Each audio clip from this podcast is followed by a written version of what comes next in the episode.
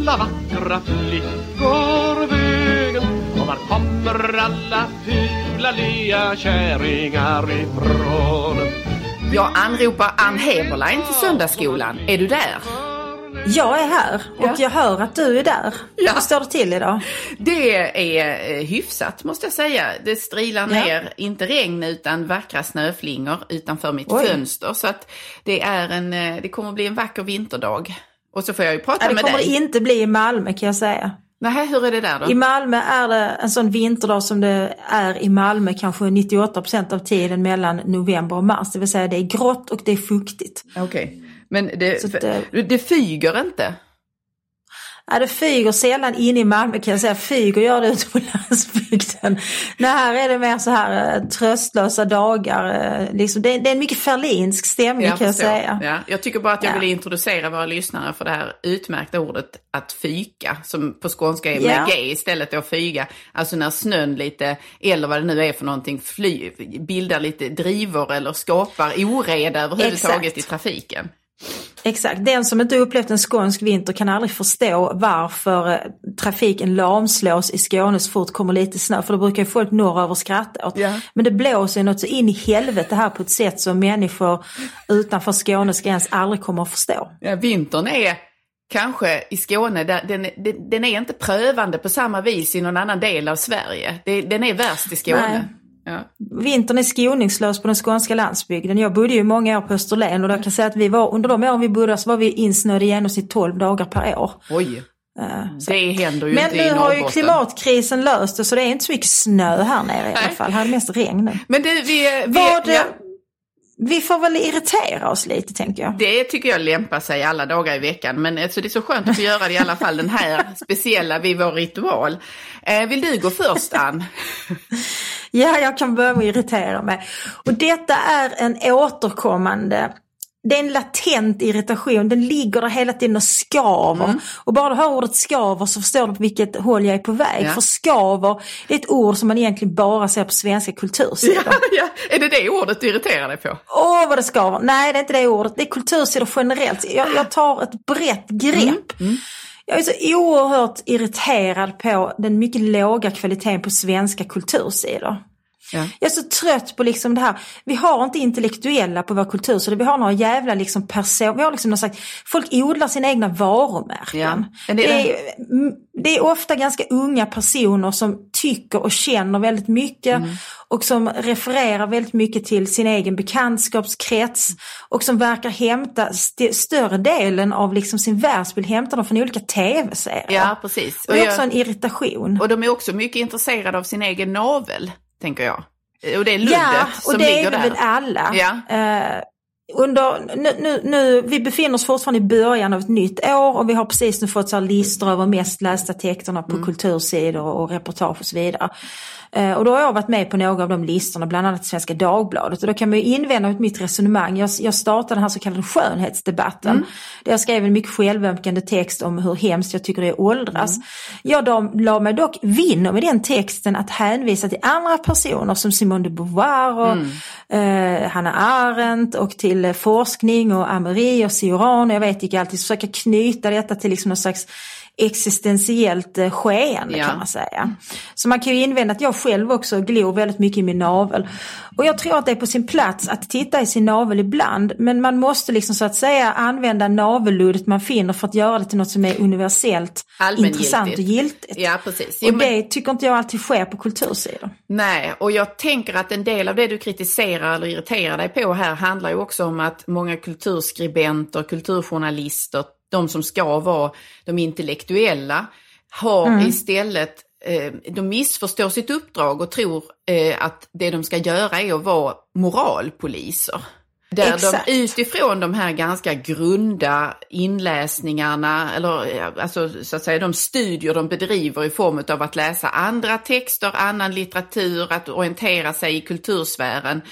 Det, det, det, är, väldigt, det är en väldigt eh, smal, trång sektor så att säga och istället så lägger man väldigt mycket kraft på att peka finger eller vara då den här tillrättavisande rösten i förhållande till den breda allmänheten. Och det är ju tröttsamt att läsa. Ja, det är mycket tröttsamt att läsa och det, börjar, det tycks som att kulturskribenterna själva börjar bli lite trötta på detta. Björn Wiman hade ju de här konstiga utfallen under hösten att han hatade att bo i Stockholm. Bara flytta och jag Björn. tror att Ja men varsågod kom till Malmö, det är helt annorlunda här. Jag tänker att det är billigt att köpa till exempel om man vill flytta till Mellerud. Eller... Då, då kanske han hade lärt sig någonting, tror jag, om livet, Björn. Hör du det Björn? Nej men alltså jag tror liksom att hans, hans utfall mot Stockholm och så vidare handlar ju om någon slags känsla av trångsynthet. Som ju inte är ett, det är ju inte ett geografiskt tillstånd som han rasar mot den texten skulle jag säga och den debatten som följt. Det är snarare liksom ett, ett existentiellt och intellektuellt tillstånd. Mm. Om man är, tillhör någon slags kultursfär och bor i huvudstaden så, så, så, vill jag påstå att man, man har mycket, mycket få perspektiv utöver de egna. Ja. Och det är ju förödande för en kulturskribent. För kulturskribentens roll är inte att A. uppfostra som du säger. Det är inte heller B att skriva om nyheter. Det är inte C att producera ideologier. Och det är inte heller faktiskt D att döma hit och dit. Utan det är faktiskt att ställa frågor. Att problematisera att ställa frågor, sig själv. Problematisera, mm. visa på komplexiteten hos ett fenomen. Ja. Men hur i helvete ska Björn Wiman kunna visa på komplexitet i ett fenomen när han bara umgås med andra kulturskribenter Nej. och bor där liksom i något, eh, någon slags, jag vet inte, eh, övre medelklassgetto. Mm. Mm. Flytta till Mellerud. Ja, det, det, det, är vårt råd till, det är vårt råd till eh, de allra flesta kulturskribenter just nu. Att testa på att bo i Mellerud ett par år. Och så kommer ja. också era texter att... Eh, Gör något annat ja. och se inte så jävla mycket på TV. Sluta bara. Ja. Det är destruktivt. Läs en bok, det har vi sagt många gånger. Läs fler böcker. Nu vill jag höra vad du irriterar dig på. Ja, jag tänker faktiskt irritera mig på någon som irriterade sig på mig. Eh, ja, eh, vi har ju talat eh, om mycket här i söndagsskolan. Vi har också pillat mm. i vår egen navel... Vi har också undersökt vårt eget navelludd, men vi gör det ju alltid med... I mikroskop! med blicken riktad ut mot den stora världen och mot mänskligheten. Så att jag tycker vi försöker... Vi, vår ambition är i alla fall att göra just det du beskrev tidigare. Ja. Det Men det var så här att jag, eh, det var någon som störde sig på att jag eh, i, ett av våra, i, i, en av våra lektioner så talar vi om eh, kost och ketchup bland annat. Eller jag nämner ketchup och så säger jag så här att osötad ketchup är, eh, det är ju äckligt. Typ, någonting ja. sånt säger jag. Och så, förstår, så irriterar jag mig på att man på skolor ibland serverar osötad ketchup, vilket jag tycker är, är jag förstår inte det. För jag tycker mer så här, en styggelse ja, skulle jag säga. Välj tillfällen när du äter ketchup och så få istället den som faktiskt smakar så. För att jag skulle inte, annat än om jag var av, så att säga, om det var någon särskild kroppslig disposition, sjukdom eller liknande som förhindrade mig från att äta den goda ketchupen med socker. Eller om jag var under pistolhot eller något liknande, då skulle jag kanske också tänka mig att äta osötad ketchup. Men poängen här är att den som irriterade sig på mig har ju missförstått vad Söndagsskolan är för en slags podd. Vi är ju ingen hälsopodd. Gud, nej, gud bevass. Alltså, du har gett mig så många goda hälsoråd här som att ja men det är klart du kan äta ett choklad, det väger bara 100 gram. Ja då kommer man ju inte gå upp mer än 100 gram, vilket är ju väldigt lite. ja, precis. Det Och vi, vi ger ju hela tiden tips om att äta smör. Ja, precis. Och det, jag tycker att man kan faktiskt knyta ihop våra två irritationsmoment här därför att det är ju så att vi har blivit så vana vid att alla som uttalar sig eller som, som använder sin röst och försöker tala för, för, för fler än de närmast sörjande så att säga, ska mm. vara också någon slags rättesnöre i alla aspekter av livet. Man ska vara en förebild, Anna-Karin.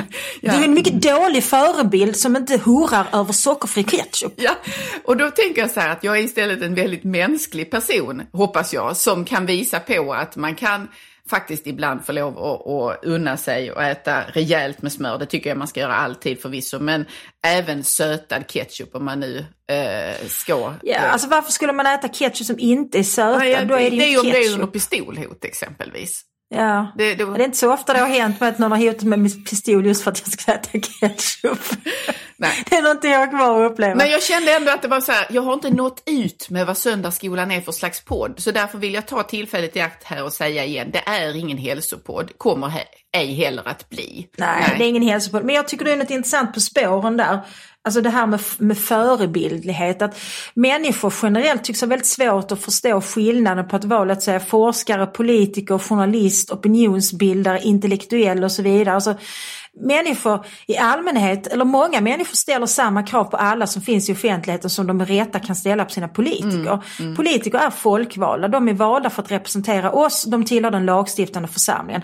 Av dem kan man kräva ett något bättre omdöme än av alla andra och av dem kan man också kräva, tycker jag, ett oklanderligt levande. Mm. Det kan man inte göra av mig till exempel, därför jag är icke folkvald. Jag är en privatperson som dristar mig till att ha olika åsikter som jag också försöker argumentera för mm. naturligtvis. Men jag vill inte vara en förebild. Det är inte mitt jobb. Uh, och jag tror också att, att uh, jag är en mycket dålig förebild på många sätt. Så tvinga inte mig vara det. Nej, precis. Så att nu eh, drar vi ett streck i den här ketchupdebatten. Och eh, ja. jag kommer själv att fira detta genom att antagligen äta snabbmakaroner och prinskorv till lunch med ketchup. Ja, det, jag, jag åt faktiskt, jag åt inte mindre än två korvar på Ikea igår med ketchup. det var bra gjort av dig. Men... Så rent profetiskt åt jag ketchup. Men som sagt, vi står fast vid att vi eh, vi, vi bannlyser sockerfri ketchup. Mm, det, det, står vi fast vid och vi slår också här nu med fast en gång för alla. Detta är icke en hälsopodd. Nu snarkar han när det inte kluckar Jag tycker att vi kan gå in på dagens ämne. Ja. Skulle du vilja presentera det Anna-Karin? Äh, ämnet idag är plikt. Plikter. Oh. Ja. Äh, ja. Och vad, vad får du för omedelbar association när jag säger plikt? Ja, alltså man får ju en mängd olika associationer kring plikt naturligtvis. Först får man ju en känsla av att det är något ganska betungande. Eh, men jag får också känslan av att det är något som är ganska betryggande faktiskt. Mm. Därför att i förstone så kan det ju te sig som att plikten är något mycket tråkigt, något som man måste dras med och måste utföra och så. Men jag ser också plikt som något som är ganska befriande. Därför plikten är ju också någonting som sätter ramar för vår existens och våra handlingar. Mm. Eh, och det är ganska skönt att kunna vila i plikter och man ser, alltså för man kan ju förstå plikter på en mängd olika sätt. Man kan ju förstå plikten som någon slags överordnad princip. Mm. Men man kan också se plikt som eh, ett antal regler på olika sätt. Och oavsett vilket så, så känner jag att, att plikten kan vara just det här som man faktiskt vilar i. Ja, exakt. Hur tänker du? Nej, men jag tänker att plikt, jag får en bild av att det är någon slags, att det också är en Eh, en ram för någonting. Alltså det är en mm. ram för existensen eller för hur livet gestaltar sig. Det finns vissa saker jag måste utföra, det finns vissa uppdrag och åtaganden, viss, visst ansvar som jag måste eh, uppfylla och pricka av innan jag kan gå över på det som kanske är rent, eh, eh rent spontana infall eller som är oförutsägbart i mitt liv och hur det kommer att gestalta sig.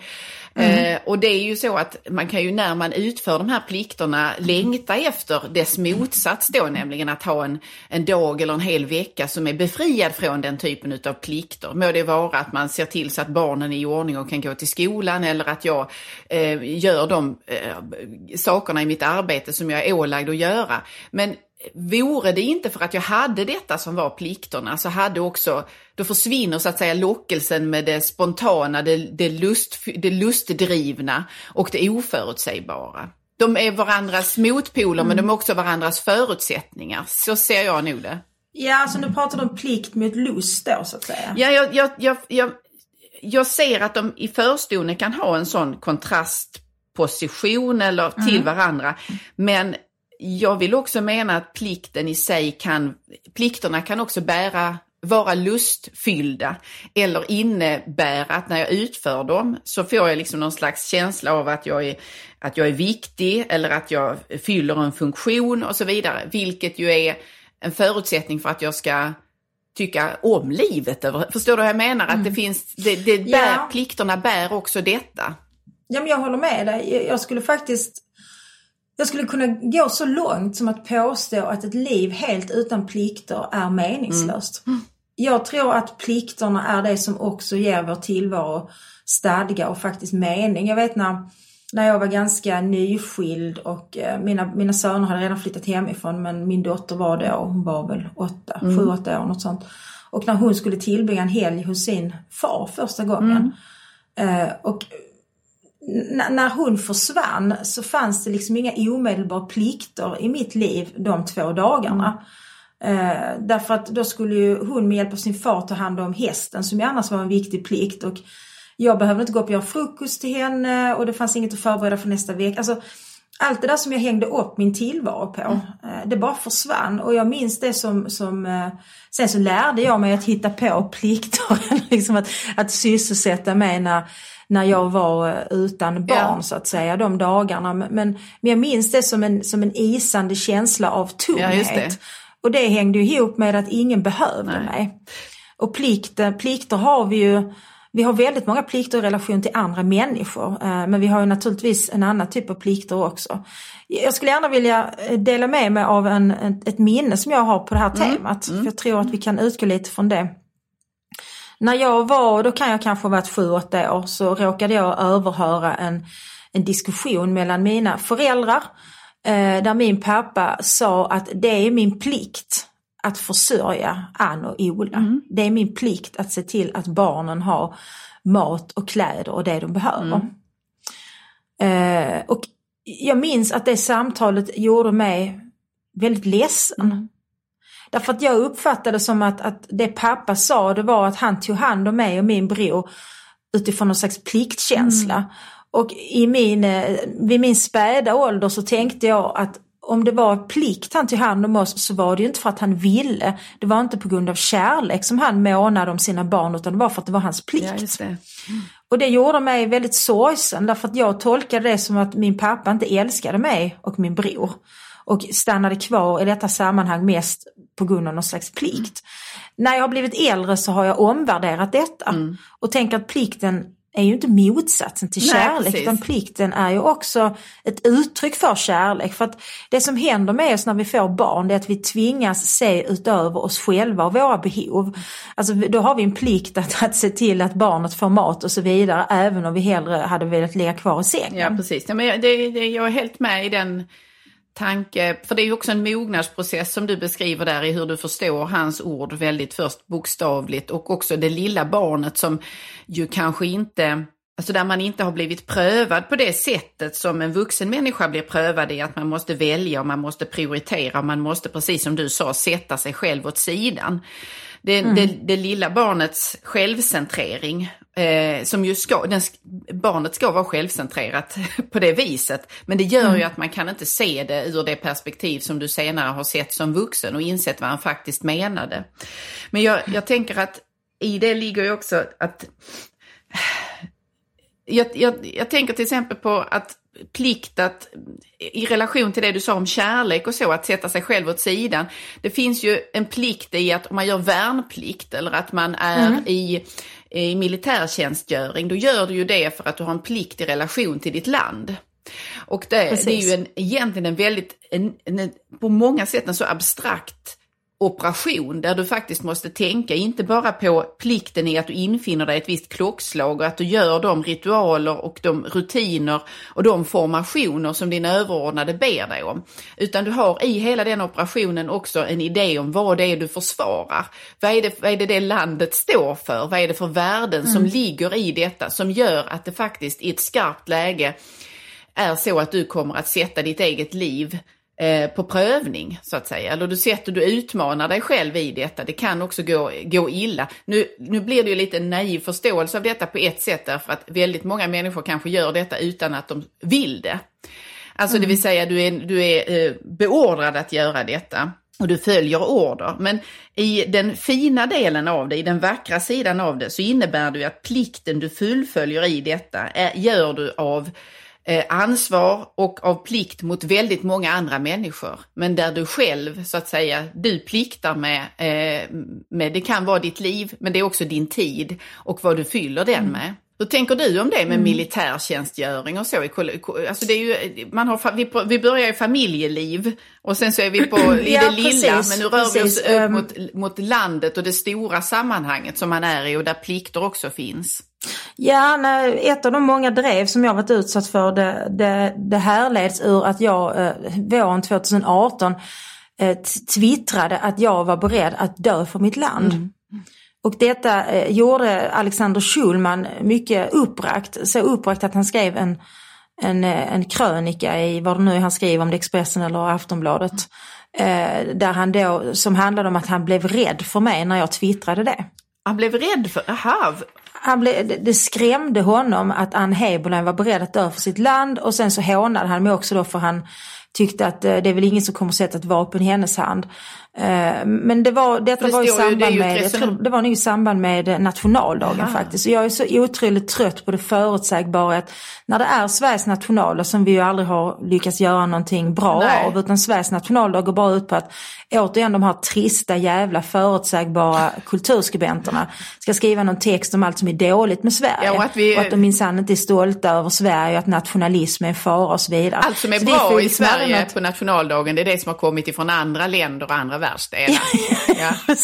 Idag är det nationaldagen, det ska vi fira med att äta sushi och hata Sverige. Ja. Men det blir, det blir liksom aldrig någon fart på vår Nej. nationaldag. Och, det blev så, och då, då, var det väl någon som hade skrivit någon text som triggade mig som gjorde att jag då, för det var någon som skrev så det är väl ingen som vill dö för sitt land längre. Och då twittrade jag att jag ville göra detta. Mm. Eh, och jag förstår naturligtvis att jag eh, som medelålders kvinna inte är den man i första hand skickar ut i strid. Men för mig är ju detta ett, ett sinnestillstånd, en attityd. Ja. Och jag tycker att det är en viktig attityd mm. för jag tycker att det är en plikt mm. att finnas för sitt ja, land. Precis. Faktiskt. Jo, nej, var... Och jag förstår att det är mycket otidsenligt ja. därför att det du beskrev innan du beskrev det lilla barnets självupptagenhet. Mm, mm. Där det lilla barnet är i centrum. Jag är mycket bekymrad över att jag tycker att väldigt många vuxna människor fortfarande är ett mycket litet barn på det sättet. Ja. Att de förmår inte se att de har plikter mot någon annan än mot sin egen lust. Nej, eh, det är ju mycket tydligt i relation till till en sådan plikt som att faktiskt eh, kämpa för sitt land. Men jag ser också det väldigt ofta tycker jag, tycker jag i relation till eh, till sitt föräldraskap och till sitt arbete och allt möjligt att man, man, man orkar inte och, och Nej, vi skulle man nog, har inte lust och så vidare. Du och jag är nog, eh, vad vi landar i här är väl också att vi gör ett litet slår ett slag för plikt. Ja, för att, ja. att man skulle bli återuppväckt väcka pliktmedvetenhet och pliktkänsla och att, eh, en förståelse för att plikten du utför, plikten du har, ofta ligger utanför dig själv. Alltså att säga, där, där, det du hämtar hem för att du utför din plikt, det kommer inte, du, kommer inte dig omedelbart till gagn. Utan det handlar om större sammanhang, det handlar om större värden. Eh, mm. Vi hade ju en monark som hette Gustav VI Adolf eh, fram till i början på 70-talet och hans valspråk var ju plikten framför allt. Ja, just det. Eh, och det är ju någonting som, apropå det vi just sa om vad, vad, hur, vilka trender som finns i tiden och så, så funderar jag på om är det, är det ens möjligt att tänka sig att kronprinsessan Victoria skulle kunna välja ett sådant valspråk? Skulle folk förstå idag innebörden av detta? För det är ju ett, det är ett väldigt vackert valspråk på ett sätt samtidigt som det känns ju oändligt tråkigt också. Plikten framför allt. Plikten sätts framför allt annat du har. Ingenting annat eh, före det att du har utfört din plikt. Ja. Och jag tänkte jag skulle vilja dra det lite längre för att kontrastera det mm. också mot en annan regent, eh, Edvard den åttonde. I, eh, som, som abdikerade för att han hade träffat en kvinna som hette Wally Simpson. Ja, som det. var gift vid tillfället då de mötte varandra och eh, sedermera skilde hon sig eh, och han önskade då att gifta sig med henne men fick nej på det därför att hon hade varit eh, gift och skild ett par gånger dessförinnan. Detta ledde då till att han abdikerade och eh, nuvarande drottning Elisabets far blev istället kung. Och det ändrade ju så att mm. säga historien där. Men där har man ju sett, när man beskriver honom och, eller deras kärlekshistoria så är det lite som att tycker jag. Det har alltid varit ett rosa skimmer kring det därför att han valde då kärleken. Han valde ju kärleken, han valde kärleken framför, framför plikten. plikten. Precis. Och mm. när man tar man liksom och sätter deras liv under lupp så eh, framstår de ju, skulle jag säga, som lättingar. Alltså där det också var, eh, de valde ju ett liv. jag älskar det uttrycket, de framstår som lättingar. Ja. ja, jag håller med. De framstår som lättingar. Ja. De gjorde inte mycket nytta. Nej, men där, och de, däremot så var de ju på besök hos Adolf Hitler och sånt där. Så de gjorde ju en hel del så att säga missräkningar när de valde sina nya vänner efter den här abdikationen. Och, det, eh, det kan man säga. Eh, och det, min poäng är här att i historieskrivningen så får man ibland just det som var Gustav VI Adolfs valspråk med plikten framför allt. De som väljer det och de som lever det kommer aldrig att framstå som de här vad ska man säga, beundransvärda, luststyrda människorna som jag tycker att Edvard åttonde och Olle Simpson har fått åtnjuta under flera decennier efter det, att de, det som skedde med dem. Hänger du med på hur jag resonerar? Ja, jag hänger med på hur du resonerar. Alltså, jag menar, Wallis och, och Edward de får ju framstå som liksom romantiska revolutionärer på något vis. Att de gjorde uppror mot en, en förkvävande och förtärande och förtryckande plikt. Mm. Mm. Och, och valde då kärleken och lusten och så vidare. Men, men det kunde ju samtidigt han göra eftersom han var den han var. Därför att det var inte så liksom att kungahuset sen kastade ut honom utan ett öre på fickan. Nej, nej, nej, Utan de kunde ju sen framleva sina liv som lättingar som du ja. uttrycker det. På grund av hans bakgrund. Ja och böla lite för att de inte fick äh, gifta sig och leva kvar i de positioner de då had, han hade och hon ja, hade alltså fått. Jag tycker så här att, att, att jag tycker också att man har plikt att ta ansvar för sina mm. val. Mm. Och väljer man att tacka nej till tronen så att säga, då kan man inte samtidigt beklaga sig. Därför att någonstans så ser spelets regler ut som de gör. Mm. Mm. Och det får man väl eh, det får man väl bara acceptera. Tycker Men, Sen kan man ju tycka att det är absurt att man inte kan få gifta sig med vem man vill. Och, eh, och att det skulle vara en skam och vara, herregud jag vet inte hur många gånger jag har skilt mig knappt, tappat räkningen. Alltså, Men hur många gånger har du blivit drottning? Alltså, det, det liksom, inte som, du har inte blivit drottning.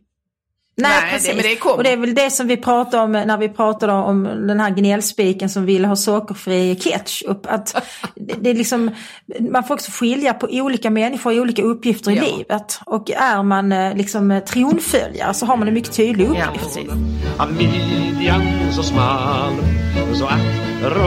Ja, men du, det, det, plikt är ju också, nu har vi talat om ganska så här kon konkreta eh, saker som man behöver utföra eller ta ansvar för, att göra sitt arbete, att dra in lön och så vidare. Men plikt, det ligger ju också nära vad, vilka normer som styr en. Och mm. där vad som är det rätta i att göra och så. Alltså, tänker du att det finns vissa etiska regler eller etiska rättesnören kopplade till plikter där det vissa saker alltid är rätt och andra alltid är fel. Och där du i åtföljandet av de här plikterna, normerna, alltid kommer mm. att hamna rätt om du bara följer dem. Ja, alltså det där, jag, jag tillhör de som hävdar en moralisk realism, mm. det vill säga jag tror att det finns morallagar som är giltiga över tid och som är giltiga i alla sammanhang geografiskt och så vidare. Alltså jag, jag är mycket skeptisk till den moraliska relativismen där man säger att en, en sak som är rätt här kan vara fel någon annanstans eh, och det finns olika moraliska koder och olika normer och vi kan inte med, med säkerhet avgöra vilket som är bäst, mm. liksom, vilket som är mest moraliskt eh, och, och, och, så mm. vidare. Mm. Jag tror att det är alltså den moraliska relativismen som ligger nära en kulturell relativism ja. naturligtvis, det, den är ju väldigt utspridd i eh, i vår tid måste jag mm. säga och det gör det väldigt svårt att kritisera andra eh, människors och särskilt om det är liksom större grupper, låt säga liksom andra religioners eller kulturers eh, vanor och sedvänjor. Och, och, och, jag tänker så att, att, att, om, vi, om vi hade liksom varit moraliska relativister och kulturrelativister på det sättet vi är idag så hade ju kvinnor fortfarande inte haft rösträtt. Eh, vi hade fortfarande haft slavhandel mm. i vissa delar av världen och så vidare. För det var ju faktiskt eftersom någon protesterade eh, som sa liksom att det här kan ju inte vara rätt. Även om ni tycker det är rätt liksom i er tradition och er kultur mm. och er mm. lagstiftning så menar vi att det är fel att förslava vissa människor på grund av deras hudfärg. Ja, precis, då ställer man... Alltså, det är en farlig väg att, jag menar, det gör det väldigt svårt för oss att kritisera sånt som barnäktenskap, eh, barnsoldater, eh, kvinnlig omskärelse och så mm. vidare om vi har en, en relativistisk inställning. Ja precis, Nej, men det, det, det, det, det är väl det som är en paradox också i att å ena sidan så finns det en en väldigt stark moraliserande slagsida i de allra flesta debatter som omger oss nu och mm. som har präglat det senaste mm. decenniet skulle jag säga, eller kanske till och med de senaste två decennierna. Men det, där är man så att säga, man är väldigt snabb i att döma någon i om man då mm. överträder någon slags, det där får du inte säga, det där får du inte tycka. Samtidigt som man är oerhört svag i att kunna stå upp för vissa fundamentala principer. Alltså de mm. grundläggande reglerna eller vad, värdena som vi talar om här. Det, de här bitarna, de här delarna i samtidsdebatten, de går ju inte ihop. Och det gör de ju inte av, Nej, det av de det skälet att man har i, när, man, när man gör den här resan mot att bli, gå ut och, och argumentera relativiserande som du säger, då blir det Mm. omöjligt att samtidigt eh, argumentera för att de här principerna, de ska samtidigt gälla och de måste vi slå vakt om. Och det skulle jag säga är en sak som har lamslagit och förstört eh, debatter om jämställdhet, om demokrati, om eh, människovärde och så vidare över lång tid. Absolut, för det har ju också lett till ett annat fenomen som är utmärkande för svensk debatt, det vill säga att man förtiger en viss typ av fakta för man tror att även om faktan så att säga är helt korrekt och riktig mm och empiriskt prövad och bevisad så kan det leda till oönskade konsekvenser. Så då väljer man att hålla käften Ja, istället. precis. och det där har vi ju gjort under mycket, mycket lång tid i svensk offentlighet när det gäller sånt som hedersetik och hedersvåld, när det gäller sånt som eh, olika invandrargruppers överrepresentation vid viss typ av kriminella handlingar, eh, när det gäller kostnaderna för migrationen och så De vidare. Så det finns ju en apatiska, rad sådana... de apatiska flyktingbarnen, där tycker jag också att det finns en sån eh, del. Ja, alltså det är ju ett sånt fruktansvärt exempel för att de apatiska flyktingarna, alltså, att, alltså det tigandet, den, den liksom ängsligheten som fanns har ju lett till att de här barnen blev utsatt för ett nästan ofattbart lidande. Ett ofattbart Ja. svek. Deras föräldrar använde Ja. dem Nej, ju- som någon slags medel. Det, det är ju också ett exempel på de debatterna du nämner och det, där jag kan Mm. tycka att eh, de apatiska barnen är liksom verkligen paradexemplet på detta Mm. där väldigt viktiga samhälls, eh, alltså eh, personer som uppbär viktiga positioner i samhället och där de har en kunskapsbas och en plikt apropå plikt just, att utifrån den positionen, utifrån den kunskapen vara sanningsenliga i vad de ser och i vad, hur de beskriver ett visst fenomen, som till exempel apatiska barn, där de svek den plikten. De svek sitt Mm, uppdrag. de. Och de svek den plikten av, på grund av självupptagenhet. Därför de Och kunde inte feghet. sätta ett större intresse över sitt eget intresse av att vara hyllade och omtyckta och få finnas i rätt sammanhang. Därför de som valde att faktiskt lyda plikten att berätta om det Mm. de ser och det de upplever har i många fall fått lida ganska mycket för det. Låt mig ta eh, Hanna Arendt som Mm. exempel faktiskt. Hon är ju inte en del av svensk. Jag skrev en bok om Hanna Arendt för några Mm. år sedan. Och hon är ju för många mest känd för sin bok om Eichmann. Hon be- bevakade rättegången mot Albert Eichmann i Jerusalem och det blev sedermera en bok som heter Den banala ondskan. Och i den boken så beskrev hon Eichmann som en fantasilös byråkrat och hon, hon, hon riktade också viss kritik mot de judiska rådens agerande under, före och under eh, andra världskriget där hon menade att de judiska rådens samarbetsvilja med eh, SS och så vidare ledde till eh, att alltså det, det underlättade helt enkelt den, det massmord som sedan skedde som var mycket kritisk mot det. Och detta fick hon ju löpa gatlopp för. Eh, hennes kollegor slutade hälsa på henne, hennes vänner bröt kontakten med henne, hon fick hatbrev och så vidare. Hon var helt oförstående för detta för hon menade att det hon skrev var ju sant. Och hon hade en plikt. Hon säger detta i en intervju faktiskt eh, i tysk tv någon gång på 60-talet. Jag är forskare och jag har en plikt Ja. att berätta sanningen. Om inte universiteten gör detta, om inte forskningen berättar sanningen, vem ska då göra det? precis. Så det tyckte hon var den intellektuelles och akademikerns Ja, plikt det är att det faktiskt ju. berätta Och det- sanningen. det- Och det är jävligt långt ifrån vad som pågår på svenska universitet idag skulle Ja, det är det verkligen. Och där vi faktiskt. har ju ett enormt tapp i kunskapsutveckling, vetenskaps... Eh, överhuvudtaget är det väldigt lite studier bedrivna på de områden där vi hade behövt väldigt mycket kunskap nu därför att samhället står inför enorma problem, utmaningar kopplat till gängkriminalitet eller hedersproblematik eller för den delen det, de fall vi talade om tidigare med eh, flyktingbarnen och så vidare. Men där man är renons på studier, närmast renons på studier på detta därför att man har inte vågat. Man har känt att man har liksom tryckt upp den här blöta tummen i luften och känt att nej, det, det är förenat med en kostnad för mig om jag skulle ställa den här typen av frågor. Då gör jag inte det utan jag, jag fogar mig i det som är den liksom allmänna diskursen istället. De, de allmänna sanningarna om det här fenomenet och avstår. Och jag, jag är liksom, jag, I'm all for Hannah Arendts princip där. Därför att det är så man borde ha agerat, så fler borde ha agerat. Därför att då hade vi vetat mer idag om just det som mm. vi nu, eh, allt fler eh, möter när man rör sig ute i samhället och eh, undervisar på skolor eller är ute i sina olika uppdrag. Ja, där, där vi famlar väldigt mycket nu och, och, och inte riktigt har...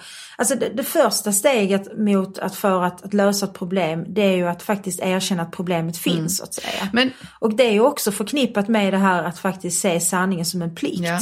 Därför då är det en plikt att säga att här har vi ett problem. Men jag tänker också så här, för man kopplar det till eh, en annan filosof, eh, Rousseau till exempel, som jag tycker mm. är en person som, man kanske inte nämner honom så ofta i den svenska eh, samhällsdebatten, men han är på något vis eh, obehagligt närvarande ändå och har också varit det i Absolut. politikutformande. Och det menar jag att han har varit i bemärkelsen att han hade ju en idé om att människan är av naturen god. Och mm. att allt ont som uppträder i människan det kommer av civilisationen, av samhället. Så att säga i mötet med samhället, i formandet av civilisationen så kommer människans, kommer uppträder dåliga sidor och eh, snarstuckenhet, egoism och så vidare. Allt det kommer ur civilisationen. Och jag tror att den idén om att människan i grunden är god, eh, har då, det ligger liksom som en, eh, en våt filt över väldigt mycket därför att jag tror inte att det är så. Utan människan har i sig kapacitet att vara både ond och god. Och sen handlar det om att kunna tygla detta på ett rimligt sätt och mm. ta höjd för att det här onda också kan komma till uttryck i hur vi utformar politik, hur vi utformar våra eh, välfärdssystem och så vidare. Men där har man inte gjort det utan man har varit naiv i ett sånt ord som man ofta använder när man beskriver detta. Så jag är så trött på det ordet. Men det är ju, det är ju liksom så här, man har ju varit naiv också i sina filosofiska överväganden här. Ja, fast i just detta sammanhang så är ju ordet faktiskt på sin plats. För jag håller med dig, jag tycker liksom någon slags rousseausk människosyn genomsyrar väldigt mycket. Inte bara liksom i, i någon slags eh, kulturell kulturdebatt eller offentlig debatt utan framförallt i den politiska mm. debatten och även i politiska beslut. Och det är oerhört destruktivt. Mm. Därför att människan är varken ond eller god. Eh, utan människan har ju som Luther säger, alltså människan är simul justus et peccator som Luther säger, vi är både ja. eh, goda och rätt, eh, onda och rättfärdiga, mm. eller syndare och rättfärdiga. Och det innebär, och det är ju det sammanhanget som jag tror att plikten är viktig för att det sätter också ramar kring vårt beteende. Alltså, plikten är ju, tycker jag, väldigt förknippad med ansvarighet och ansvarstagande. En av de filosofer som, jag, som har influerat mig mest när det gäller ansvarstagande det är Peter Frank Strawson mm. som skrev om reagerande attityder. Han menar att det är ett stort ansvar, att, det, det är ett stort arbete att bli en ansvarig individ och i detta måste vi hjälpa mm. varandra. Och det gör vi genom våra reagerande attityder, det vill säga att vi reagerar på andras handlingar med indignation eh, med klander när de är felaktiga och vi reagerar med, med beröm eh, och eh, bekräftelse när de är ja. rätt. Och det är ju så ett litet barn eller en hund eller en häst för den delen lär sig vilket beteende som är rätt och vilket beteende som är mm. fel.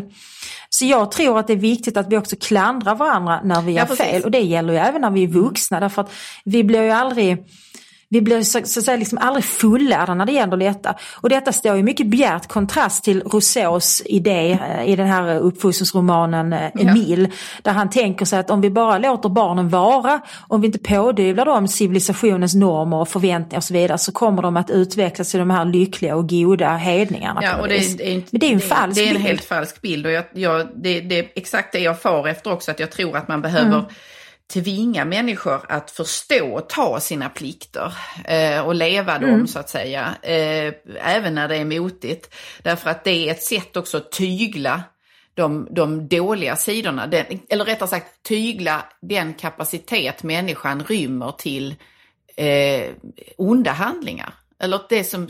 Ja men jag tror ja. det också. Men, Sen tror jag också att man måste lära sig och man måste också acceptera att det är inte alltid Nej. roligt. Vi har ju pratat en del om skolan här i våra olika lektioner eftersom du har erfarenhet från skolvärlden. Och jag har gått mm. till skolan, vilket ju alla människor har, så alla tror de är experter på skolan. Men, men jag tänker mig, och det är framförallt i relation till mina barns skolgång, att det har funnits en konstig förväntan, upplever jag, från många föräldrar att det ska vara roligt hela ja, precis. tiden. Nej, men det är ju en sån lustidealet där som kom. Och ja som... precis, lust att lära, ja. nej plikt ja. att lära har du ja. också. Och då är det roligt när du faktiskt har lärt dig någonting. Då kommer lusten, då kommer belöningen. Verkligen, Skolverket är ju fenomenal på att förstöra mycket inom svensk skola och där förstörde man ju mycket genom att skriva in sådana saker som om lust just i styrdokument och i alla eh, mm. handledningar som har funnits för lärare så att lärare har blivit nödgade att agera utifrån som att det är först när du, väck, du väcker lusten först och sen så, så att säga, kan du eventuellt lägga någon liten uppgift som kräver en ansträngning av eleven och det är ju helt fel sätt att gå på det.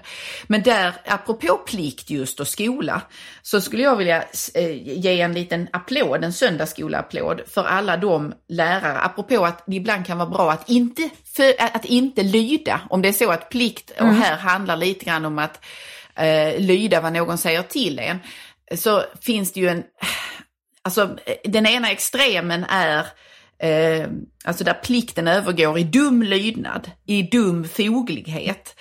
Så vi ja. hade ju i svensk skola många lärare faktiskt som valde att eh, istället tjäna sin erfarenhet av hur hur strukturerar jag bäst undervisningen? Hur ska jag göra för att eleverna flyttar gränsen för vad de vet och förstår på bästa sätt? De hade en, en rad instruktioner och en rad policydokument som talade om för dem hur de skulle göra. Och det stod i kontrast till erfarenheten. Och de valde att agera utifrån sin etiska kompass, utifrån sina värden och också utifrån sin erfarenhet. Och det gagnade de här eleverna mer än om de så att säga hade lytt order. Eh, och, mm. Eh, och då kört på lustbegreppet fullt ut. Så att ja, det finns ju i, i kontrasten till när vi slår ett slag för plikten, så slår vi ju samtidigt, vi vill ju inte slå ett slag för den dumma blinda lydnaden. Nej, alltså precis, för, för det är väl kanske ett missförstånd som man kan, som man kan ha, att man tänker att, att om man förespråkar att människor ska göra sin plikt så förespråkar man också att man ska lyda, men då förutsätter man ju att plikten är blott i relation till låt säga nationen eller styrdokumenten ja, och så vidare. Jag menar som Kant att det finns ju plikter som är universella och som är eviga. Ja.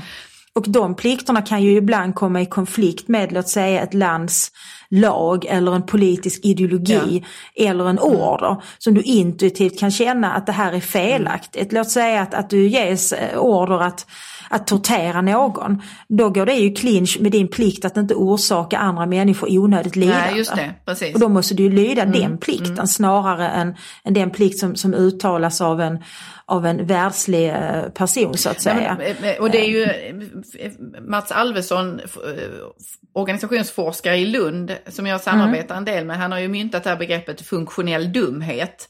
Som i princip, ja, man skulle kunna säga, ligger väldigt nära den, den blinda lydnaden då, det vill säga att du väljer hela tiden att bara tänka inom en box. Eh, och du väljer då att du behöver inte tycka att det som står i det här dokumentet som jag ska följa, det är ju helt, det är ju helt eh, bisarrt, det stämmer ju inte någonstans. Du, du anstränger dig inte om den typen av kritiskt tänkande eller reflektion, utan du, du, du utgår bara ifrån att det, det som står här, det som någon säger åt mig att jag ska göra, det är det rätta att göra. Så där, är det ju, där pågår ju då, måste ju pågå ständigt någon slags inre kamp i varje människa kring att precis, navigera precis. mellan de här värdena som är överordnade så att säga och som ligger på ett helt annat plan i relation till mm. det dagliga eller det, du, det som du får på din tallrik så att säga att göra. Ja, man ska inte göra samma misstag som Eichmann för att nämna honom igen. För att Eichmann valde ju då dumdristigt nog att sköta sitt försvar själv i den här rättegången när han stod mm. åtalad för brott mot mänskligheten och sa att han hade blott lydit plikten. Yeah. Men med det menar han ju att han hade bara följt liksom de förväntningar som hans arbetsgivare hade och som fanns i ett nationalsocialistiskt mm. Tyskland. Men det är ju inte detsamma som plikten med stort Nej. P. Eh, så han försökte, försökte försvara sig med hjälp av en kantiansk pliktetik. Men liksom den kantianska pliktetiken är ju aldrig synonym med ett, ett specifikt lands lagstiftning Nej, eller med de kulturella normer och, och, förväntningar som finns just nu, utan det är något överordnat. Och där har vi exempel som vi minns säkert alla Anders Kompass mm. som ju gick emot han jobbade ju för FN och när Inga-Britt Ahlenius som är en, faktiskt en förebild för mig, för mig också, eh, hur hon verkligen. kritiserade och så vidare. Och där har vi exempel på människor som har som har lyssnat på en annan typ av pliktkänsla. Ja, Nej, men ska man knyta ihop det här också med, med vårt, vår kritik av Rousseau tidigare om idén om människans inneboende mm. godhet och så. Så att det, det, för, för att hålla det i eh, Nazityskland och vad som skedde där så finns det ju den här eh, Brownings eh, berömda bok. Helt vanliga precis, män. Där det verkligen var helt vanliga män som plockades Mm. ut för att eh, eh, göra vidriga saker i ett, eh, i, vad var det nu, det var väl i något getto där de skulle välja ut en massa människor. De här, de här männen tillhör Ja, han följer ju en Ja, polisbataljon. Reservbataljon 101 eller någonting Ja, sånt där. Och den, precis. det var ju inte, de var ju inte militärer. De var inte tränade i att tänka på just eller att ja, anamma den här ideologin som, som styrde människor vid den tiden. Utan det var helt vanliga människor. Och de hade också möjligheten Mm. att säga nej, initialt i alla fall, till de uppdrag de gavs av eh, militärmakten. Men de gjorde inte det, utan anmärkningsvärt många av dem nickade bara ja och verkställde order.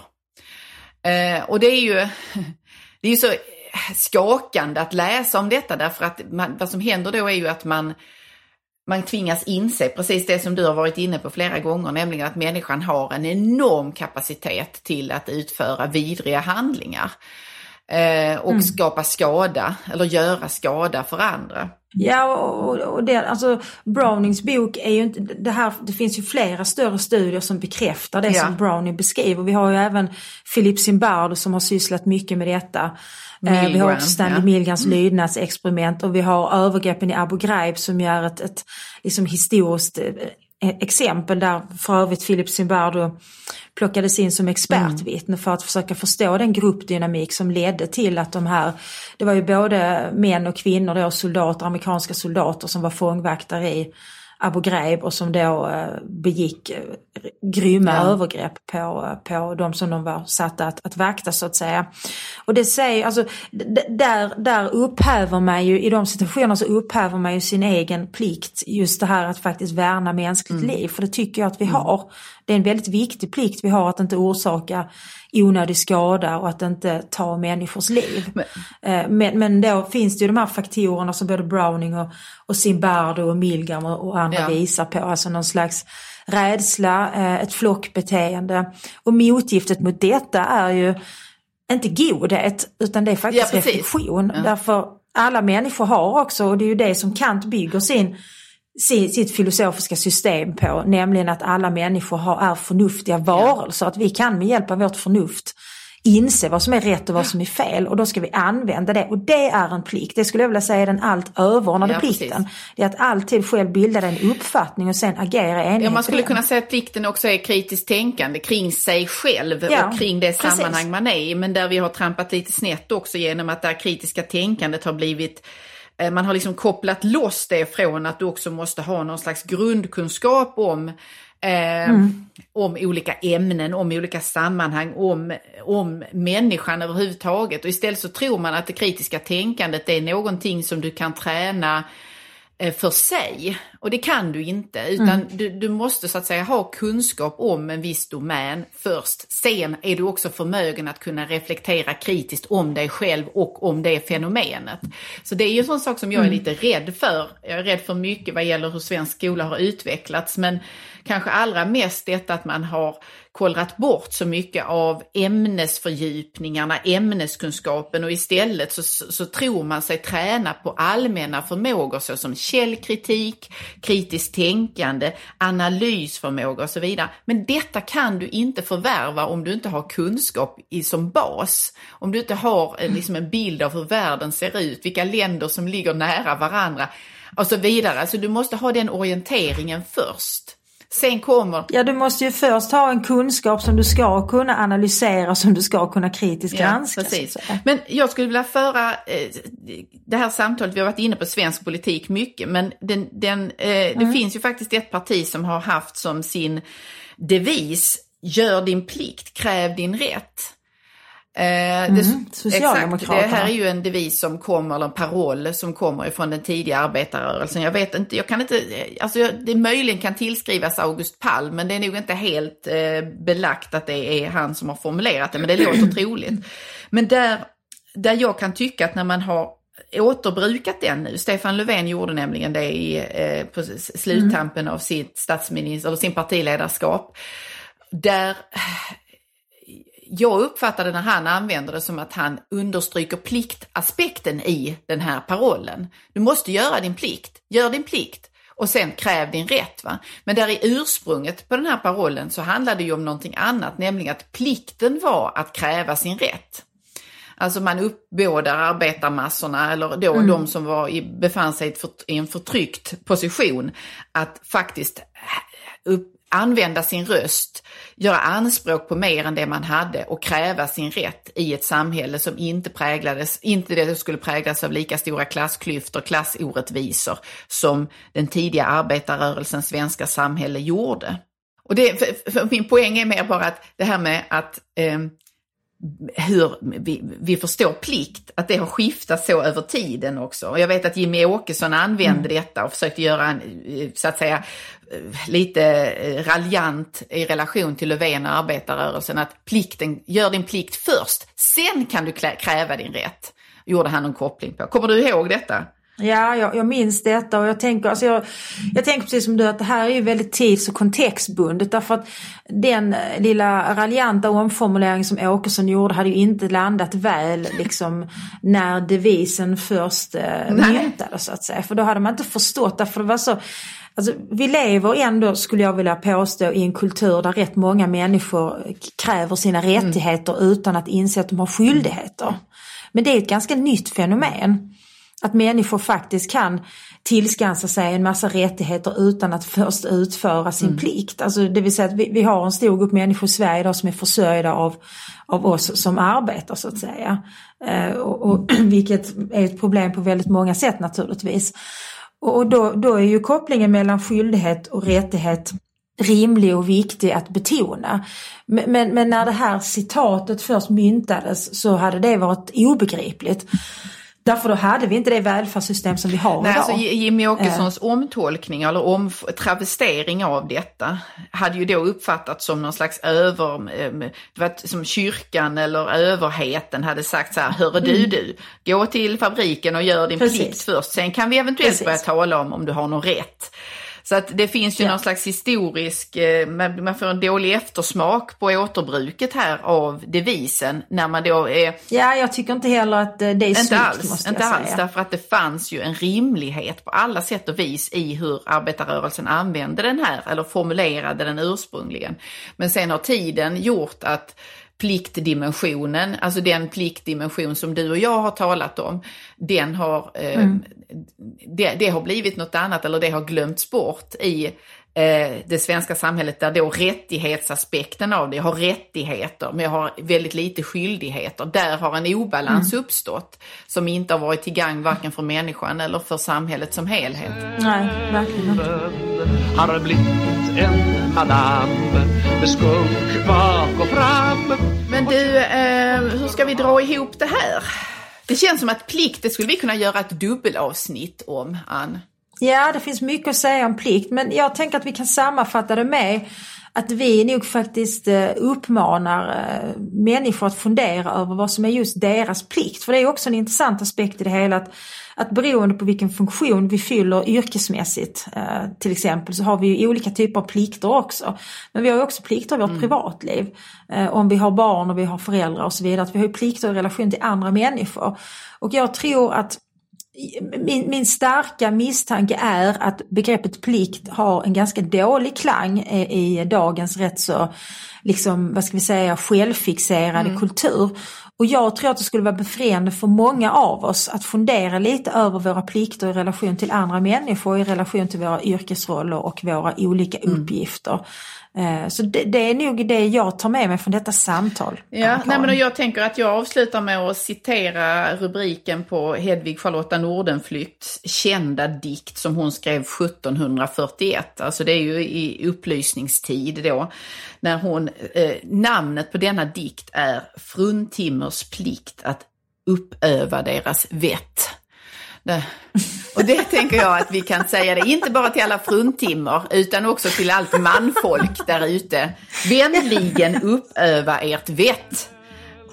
det tycker jag var en mycket bra uppmaning.